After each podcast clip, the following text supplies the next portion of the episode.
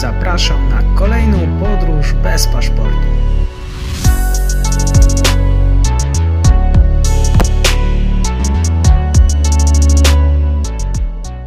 Dzień dobry, Mateusz Grzeszczuk. Moim gościem jest dzisiaj pani Agnieszka Legucka, analityk Polskiego Instytutu Spraw Międzynarodowych, zajmująca się polityką zagraniczną i wewnętrzną Rosji. Dzień dobry pani. Dzień dobry, dzień dobry. E, wątki rosyjskie pojawiały się w wielu moich rozmowach. E, tym razem o Rosji porozmawiam bezpośrednio.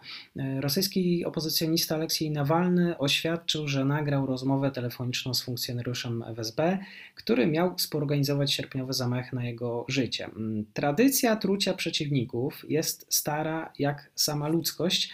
E, ale podczas gdy w wielu państwach pamięć o takiej formie uprawia, uprawiania polityki podtrzymują tylko placówki muzealne, e, za naszą wschodnią granicą wychodzi na to, że jest to wciąż e, wykorzystywany sposób radzenia sobie z opozycją.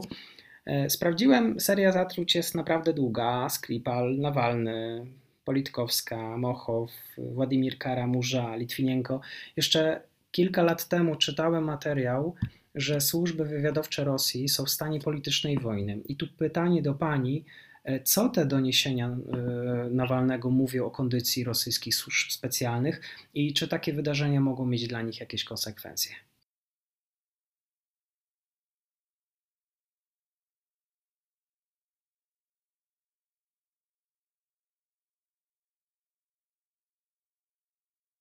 Oczywiście bardzo dużo mówią. Mówią o załamaniu się tego mitu rosyjskich służb specjalnych, które były nieprzeniknione, które były mm, trwałym elementem polityki wewnętrznej e, i zagranicznej Federacji Rosyjskiej.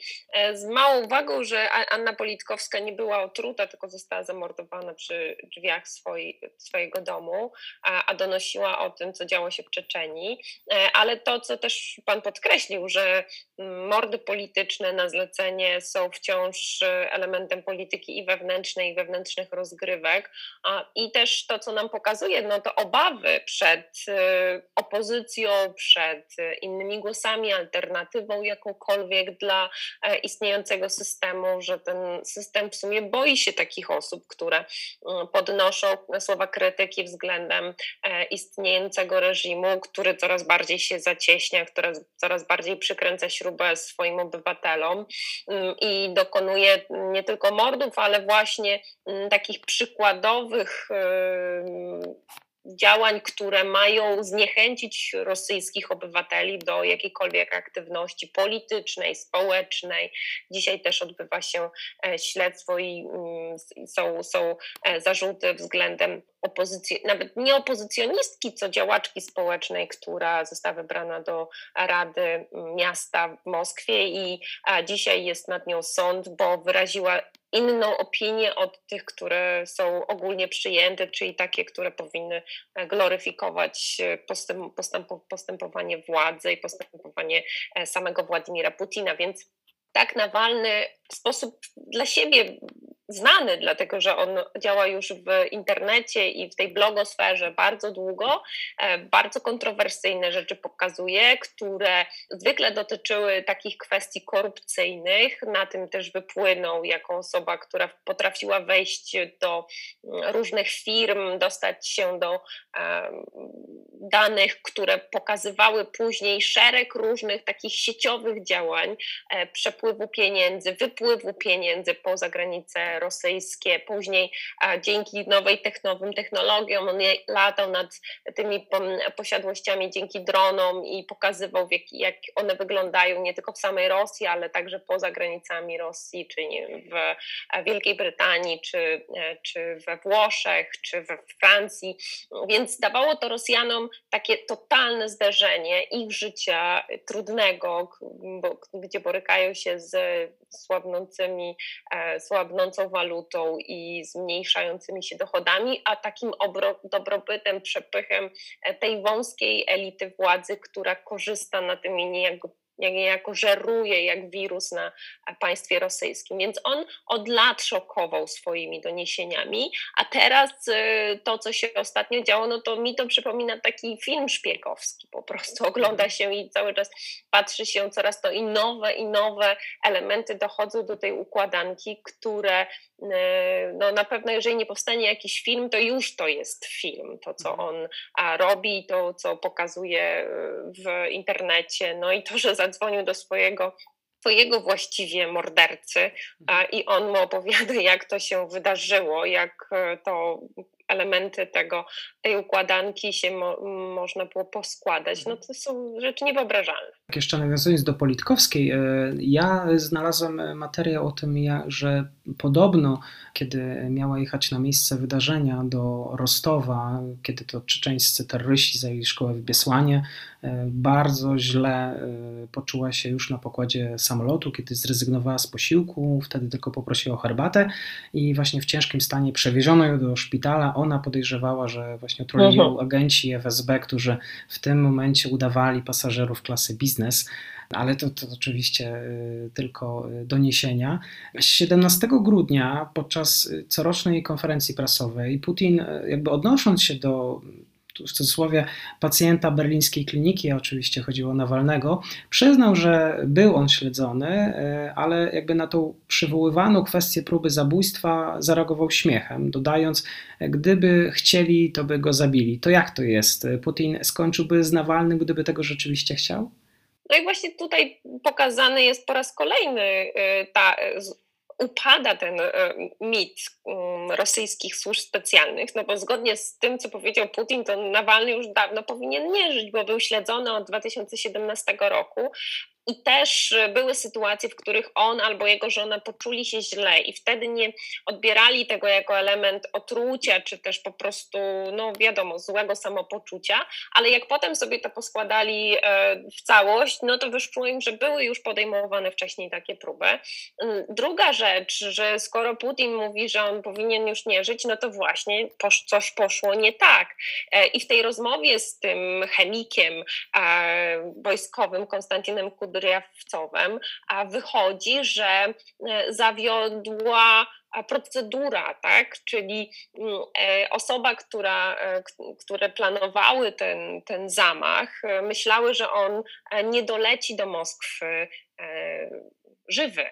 Tymczasem lot został przerwany przez pilota, a w Omsku mm, e, awaryjnie też mm, lądował, a w Omsku tutaj służby zdrowotne pomogły, mm, dały specjalne antidotum Nawalnemu i dzięki temu on przeżył, więc po raz kolejny pokazywany jest tutaj element taki, że no, y, nie udało się y, osiągnąć celu, a i to jest jeszcze najbardziej chyba mm, y, zadziwiające i takie, i takie mm, wywyższające całą działalność tych służb specjalnych, bo e, do tej pory mieliśmy taką sytuację, że owszem, przychodziły, przychodziły różne, um, tak jak pan powiedział, no, jest rywalizacja między tymi służbami i to y, i było efektem, efektem tej właśnie rywalizacji było to, że często dochodziły czy do, do dziennikarzy, czy to do samego Nawalnego, takie informacje przenikały e, kontrolowane, że jak to coś działa, albo że coś się nie udało, jakaś misja mm,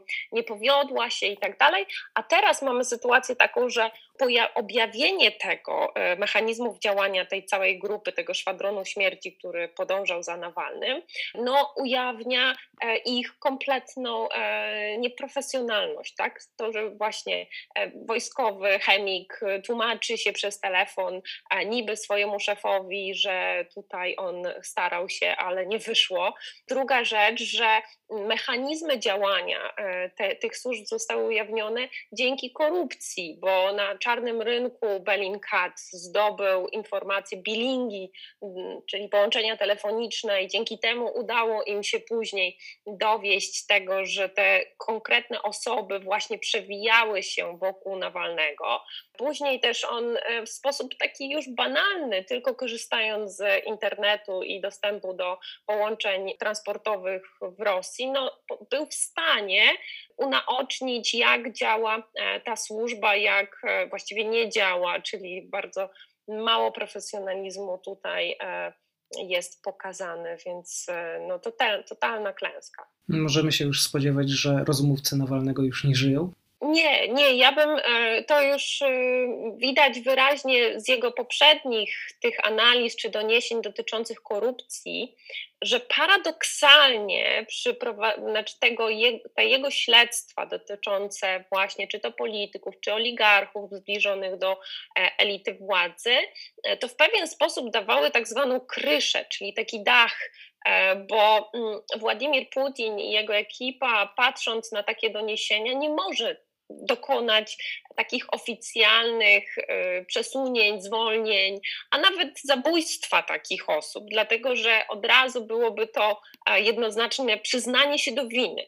I te osoby, które, które do tej pory były śledzone przez Nawalnego, pokazywane, im, pokazywane ich działania korupcyjne, e, dopiero po jakimś czasie E, trafiała ich kara, czyli no właśnie traciły stanowisko, czy musiał wyjechać z kraju, ale e, ten moment ujawnienia danych, ujawnienia całej procedury, czy korupcyjnej, czy teraz właśnie związanych z, z próbą zabójstwa Nawalnego, raczej dają im taki okres ochronny, więc ja bym na ich miejscu lepiej wyjechała z mhm, Rosji. Znalazłem informacje na temat y, ujawnionego podręcznika KGB z 1989 roku. Ten podręcznik pokazywał, że Rosja e, trzyma się tych radzieckich metod co do joty. Czy byłaby w stanie Pani wyjaśnić słuchaczom, e, czy są w ogóle takie informacje, gdzie i jak działają dziś agenci rosyjskich służb? Czy rzeczywiście czują się swobodnie? Bo sytuacja z Nawalnym i Skripalem pokazała, że w Europie, w Europie no, czują się dosyć e, swobodnie z jednej strony można powiedzieć, że czują się swobodnie, na pewno nie tak swobodnie jak za czasów zimnej wojny, dlatego że też doniesienia chociażby duńskich e, służb e, kontrwywiadowczych, czy też zachodnich służb kontrwywiadowczych, które na przykład pokazały całą sprawę Skripala i wtedy już tej wojskowej części rosyjskich służb, tych zagranicznych, Gieru, jak oni działali, to dzięki dzisiejszej technologii, ale też e, temu, że no jest taka mm, obawa, już nie tylko w Polsce, ale wśród innych państw europejskich, że Rosjanie mogą być potencjalnie, potencjalnie właśnie mm, osobami związanymi z, czy to z agenturą, czy ze szpiegami. Co prawda, też mm, co jakiś czas ujawniane są informacje o tym, że złapano szpiegów e, jakiegoś państwa, którzy donosili na e, donosili Rosji. Myślę, że ten mit już dawno upadł. On, oni są mm, aktywni w różnych państwach e, poprzez działania e, i korupcyjne, ale też poprzez mm, działania takie soft powerowe, ja bym powiedziała, czyli takie, w których przekonują do swoich racji, e, zyskują przychylność, przyjaźnie, nie wiem, czy w środowisku akademickim, czy eksperckim i działają niejako w białych rękawiczkach. I te, to jest chyba najtrudniej do weryfikacji, najtrudniejsze jest to do weryfikacji, bo różnego rodzaju czy konferencje, czy, czy spotkania takie, gdzie pojawiają się również Rosjanie w Europie Zachodniej, tutaj też w Europie Środkowej, e, no to niektórym osobom zapala się czerwone światełko, ale nie wszystkim. E, I często właśnie nieświadomie też ujawniają informacje, bądź później jakby poprzez długie lata, bo to, co też e, chyba jest takim elementem w ogóle działalności rosyjskiej i dyplomacji, ale też służb, a że te mm, personalne kontakty są e, budowane przez lata i często są jakby nieujawniane właściwe intencje e, swoich działań. No, mi się wydaje, że to już dojrzewa w umysłach wielu i ekspertów, i akademików, ale nie powiem, żeby to było coś powszechnego. Zresztą przecież e, aktywność rosyjskich służb to, to nie tylko Europa Środkowa, gdzie już troszeczkę więcej mamy takiej wrażliwości, ale też e, Stany Zjednoczone, też Europa Zachodnia i, i Afryka. Teraz Afryka jest takim dobrym miejscem, znaczy takim docelowym miejscem rosyjskich i służb, ale też działań paramilitarnych i wchodzenia głębiej w kontynent afrykański, ażeby podważyć też wpływy czy Francuzów, czy, czy ogólnie rzecz biorąc e, Europejczyków. Mhm. Czy możemy powiedzieć, że e, też służby, jednym z głównych celów jest podsycanie tego prorosyjskiego separatyzmu na Ukrainie i że są szczególnie obecne właśnie na zachodzie naszych sąsiadów?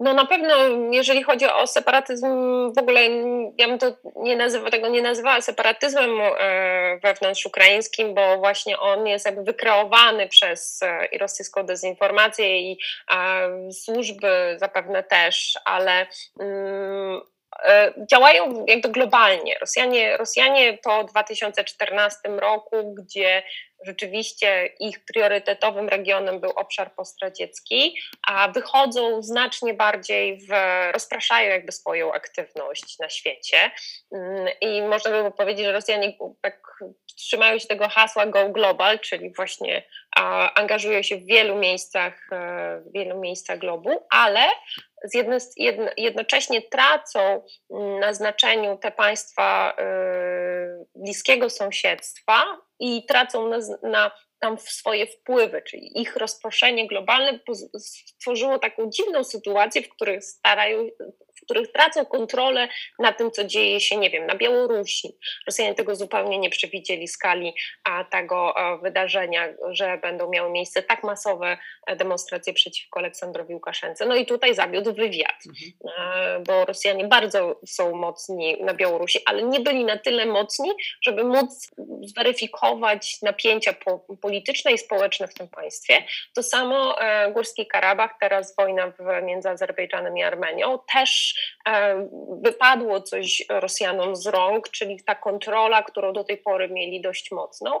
No i jeszcze do, do, doszedł jeszcze Kirgistan i kilka innych państw, które zaczynają dryfować w innym kierunku niż Rosjanie by tego oczekiwali. Więc mm, ten mit tej silnej Rosji e, oczywiście nie powinien być w żaden sposób bagatelizowany, bo te służby są, ale one trochę zmieniają swój charakter. Poza tym też, tak jak moi znajomi opowiadają, że, że do służb rosyjskich raczej już idzie coraz gorszy sort, tak brzydko powiem, osób, które chcą po prostu e, zarobić dobre pieniądze, ale niekoniecznie się kwalifikują do tego rodzaju e, służb, czyli tak, taki, taki właśnie mit y, tego najbardziej wykształconego, najlepiej przygotowanego do służby państwowej. To jest ten, ta śmietanka, która idzie do a, służb specjalnych. Kiedyś przecież z czasów Związku Radzieckiego to właśnie na uniwersytetach y, często właśnie delegowano określone osoby, te z najwyższej półki, najlepiej się uczące, zdobywające najwięcej, najwięcej y, właśnie punktów w, na uniwersytecie, były odsysane i przekazywane do, do, do służby państwowej, czyli tej najbardziej nobilitowanej. Dzisiaj to już troszeczkę inaczej wygląda. Dla tych, którzy jeszcze są niezaznajomieni z tematem, e, chciałbym, e, żeby Pani może opowiedziała o tym, jaką rolę odgrywa internet w działaniu tego typu służb. No, internet w ogóle jest e, z jednej strony dla Rosji, nie tylko dla służb, ale w ogóle dla władz rosyjskich miejscem ogromnej eksploracji, czyli tych wszystkich działań e, hybrydowych e, w państwach demokratycznych, działań dezinformacyjnych, propagandowych, osłabiających tylko instytucje demokracji, ale też zaufanie społeczne do rządzących, do Unii Europejskiej, do NATO, do Stanów Zjednoczonych. Wszystko, co możemy powiedzieć anty, to możemy tutaj e, działalność i troli, czyli tych właśnie osób, które piszą na mm, komentarze, ale także botów, czyli sztucznych, uruchamianie sztucznej inteligencji, która mm, działa w internecie, podbijając niektóre informacje. Te, dzięki temu albo przez to my odbiorcy widzimy, że coś się dzieje bardziej albo coś jest bardziej widoczne, tymczasem jest to sztucznie, sztucznie kreowane są niektóre problemy w różnych państwach. I to, co Rosjanom trzeba przyznać, że mają dobrze zidentyfikowane problemy w państwach, nie wiem, w Polsce, w Stanach Zjednoczonych, we Francji. I korzystają i też bazują na tych rzeczach, które są takie bolesne, czy też wrażliwe w konkretnych państwach, czy nawet w grupach społecznych, nie wiem, a kwestie wartości, kwestie obecności amerykańskiej w Europie, kwestie antyunijne, antyimigracyjne, anty-LGBT itd., tak itd. Tak Te elementy są dobrze rozpoznane i internet jest miejscem, gdzie Rosjanie bardzo chętnie działają e, i za pomocą służb, ale też różnych mediów, które stwarzają niby alternatywę, dlatego że mhm. na przykład Russia Today, dawna, dawna Russia Today, a teraz RT dla niepoznaki, e, mówi, znaczy daje taki przekaz, że nie znajduje się w mainstreamie, że jest właśnie mm, tym alternatywnym medium, w którym e, nie podają jeden punkt widzenia, a jeden z wielu, ale to jest też bardzo mylące, dlatego że ten właśnie jeden z wielu punktów widzenia jest bardzo mocno fałszywy i uderzający w te wszystkie pozostałe, dzięki czemu ludzie tracą w ogóle wiarę w jakąkolwiek informację. Mówią, my nie wiemy, czy to, co widzimy, to, co czytamy, jest prawdą. I to właśnie też na tym polega cała działalność propagandowa i dezinformacyjna, żeby relatywizować prawdę i w ogóle nie szukać e, jasnych odpowiedzi. A druga rzecz e, to jest e, z kolei internet, który jest postrzegany jako wyzwanie, dlatego że rosyjski, rosyjscy rosyjskie władze, ale też służby, to jest bolączka dla nich, że nie mają kontroli nad e, internetem w Rosji. I to, co wszystko się dzieje takiego alternatywnego, sprzeciwiającego się władzy, czy Nawalny poprzez swój blog, czy obywatele, którzy w jakiś sposób próbują się kontaktować, informować w Rosji, e, to od wielu lat Rosjanie próbują lansować taką tezę, że trzeba by było uregulować w sposób międzynarodowy, między innymi w ramach ONZ-u, a zasadę, że każdy każde państwo ma swój suwerenny internet, czyli tak jak nie wiem, każdy kraj kontroluje przestrzeń między swoimi granicami, to także powinien kontrolować przestrzeń informacyjną e, w danym państwie. I tutaj władze by miały o wiele większe możliwości śledzenia tego, co robią e, obywatele, w jaki sposób się informują. I od wielu lat w Rosji tak się dzieje, zarówno w kontakcie, czyli taki rosyjski Facebook, ale także niektóre strony są blokowane i też władze zyskały już większą um, widoczność tego, co, o czym komunikują się Rosjanie, ale Rosjanie też się dostosowują to znaczy obywatele dostosowują się do tej, do tej, do tej cenzury mm, i tych, tego, że chociażby można trafić do więzienia za mm, udostępnienie niewłaściwego posta. I dostosowują się, obchodzą ten e, system i dzięki temu internet jest przestrzenią, taką marginalną przestrzenią wolności słowa w Rosji e, i dzięki temu też e, służby specjalne, które mają wychwytywać takie jednostki, no muszą się całkiem nieźle nagimnastykować, żeby to zrobić, żeby coraz bardziej zminimalizować ten e, margines niewielki społecznej aktywności e, rosyjskich obywateli. Jeszcze na zakończenie naszego spotkania chciałbym podpytać e, o kwestię politycznej przyszłości Nawalnego. Dotychczas wydaje mi się, że ta jego popularność w internecie słabo przekładała się na taką pozycję polityczną. Pierwsze to właśnie aktywność w sieci, drugie to fakt, że jego partia e, nie zostanie nawet zarejestrowana w wyborach do Dumy Państwowej. Prorządowe rosyjskie media kształtuje jego wizerunek jako zagranicznego agenta. E, czy jest według Pani miejsca dla Nawalnego na mapie politycznej Rosji? Nawalny ma duże ambicje polityczne, jest takim typowym zwierzęciem politycznym, który bez polityki nie byłby w stanie funkcjonować.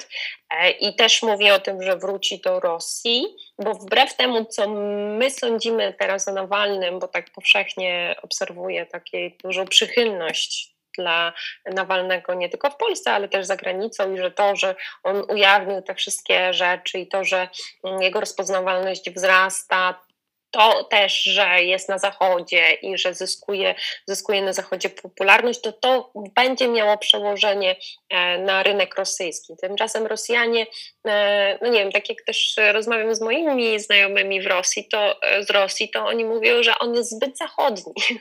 On jest, nie jest takim rosyjskim typowym politykiem, z którym oni by mogli utożsamić siebie, ale też przyszłość Rosji to jest, to działa na, na jego niekorzyść, też jego mm, popularność, oczywiście wielka w internecie, dotycząca też działalności antykorupcyjnej i rozpoznawalności, to, to po tym otruciu po, mm, została, znaczy zwiększyła się, powiedzmy, no nie wiem, tak jak w 2015 roku to tak połowa Rosjan rozpoznawała, kim jest Nawalnym, po otruciu teraz widzimy w badaniach, że to jest prawie 80%, więc widać wyraźnie, że jego rozpoznawalność wzrasta, ale on w zasadzie jak tak się go posłucha e, od kilku lat, obserwuję go i słucham jego wystąpienia, to on rzadko kiedy przedstawia swój program. On bardzo mocno koncentruje się na tym, żeby na krytyce obecnej władzy, obecnych e, układów, obecnego systemu, co może zyskiwać popularność, by wiele osób e, właśnie tak samo postrzega tę rzeczywistość, ale rzadko kiedy on wychodzi naprzeciw i pokazuje, dobrze, ale ja bym chciał zrobić to, to, to, to, to w taki czy inny sposób. Mm, to, co z kolei zyskało na przykład poparcie, to, to tak zwany program tak mądrego głosowania, czyli żeby w wyborach i prezydenckich, ale on potem najbardziej to rozpowszechni w późniejszych wyborach i parlamentarnych i lokalnych, żeby głosować na każdego, kto jest zarejestrowany, ale nie jest z partii władzy tej jedynej Rosji. A, I to było, co, dla, w moim przekonaniu, to był ten element, który przesądził o tym, że władze postanowiły go otruć. Jego nawet nie sama osoba, ale idea stała się groźna dla obecnego systemu i obecnej elity. I w związku z tym postanowiono, postanowiono zweryfikować, na ile jego zasadniczo internetowe poparcie przekłada się na możliwość wpływania na wybory polityczne w Rosji. I okazało się, że niewielki jest stopień poparcia dla Nawalnego politycznie, ale też e, władze rosyjskie, bo to też trzeba powiedzieć, potrafiły to zakamuflować, czyli poprzez różnego rodzaju fałszerstwo, manipulacje przy wyborach, byli w stanie ten wpływ zminimalizować, co daje w perspektywie też nam wyobrażenie, jak mogą wyglądać wybory do Dumy w 2021 roku we wrześniu, że też będziemy obserwować i przedłużenie tego okresu głosowania, e, i głosowania na pieńkach, i głosowania w, mm, na parkingach, samochodach. No można było oddać głos praktycznie wszędzie, e, co znaczyło, że można było również wrzucić kilka dodatkowych głosów, bądź kilkanaście, e, bez obserwacji ze strony kamer. Mm, no i jego, jego też program polityczny, taki obywatelski nacjonalizm, nie pada na podatny grunt, bo on miał, on jest takim populistą w dużej mierze, można by było tak powiedzieć, bo mm, mówi o tym, że takim wielkoruskim jednak politykiem, mającym jednak duży szacunku dla wielkości Rosji, ale Rosji w Rosji, znaczy Rosjan w Rosji, a jest dość niechętny wobec mniejszości e, etnicznych z e, Azji Centralnej bądź e, północnego Kaukazu.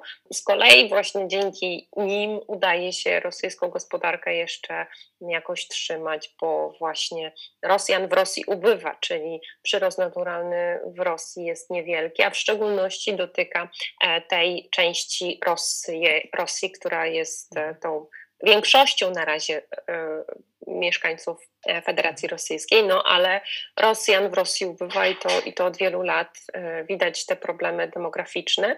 A drugi jego postulat, który nie, nie pada na podatny grunt, to zerwanie z centralizacją, który z punktu widzenia znowu, że Europy Zachodniej, czy nawet, nawet Polski i dobrych doświadczeń z decentralizacją, w Rosji nie jest postrzegany jako coś korzystnego z punktu widzenia tego, co działo się w latach 90., czyli z zupełnego rozjechania się regionów i Moskwy, które doprowadziły później do wojny czeczeńskiej, pierwszej, drugiej.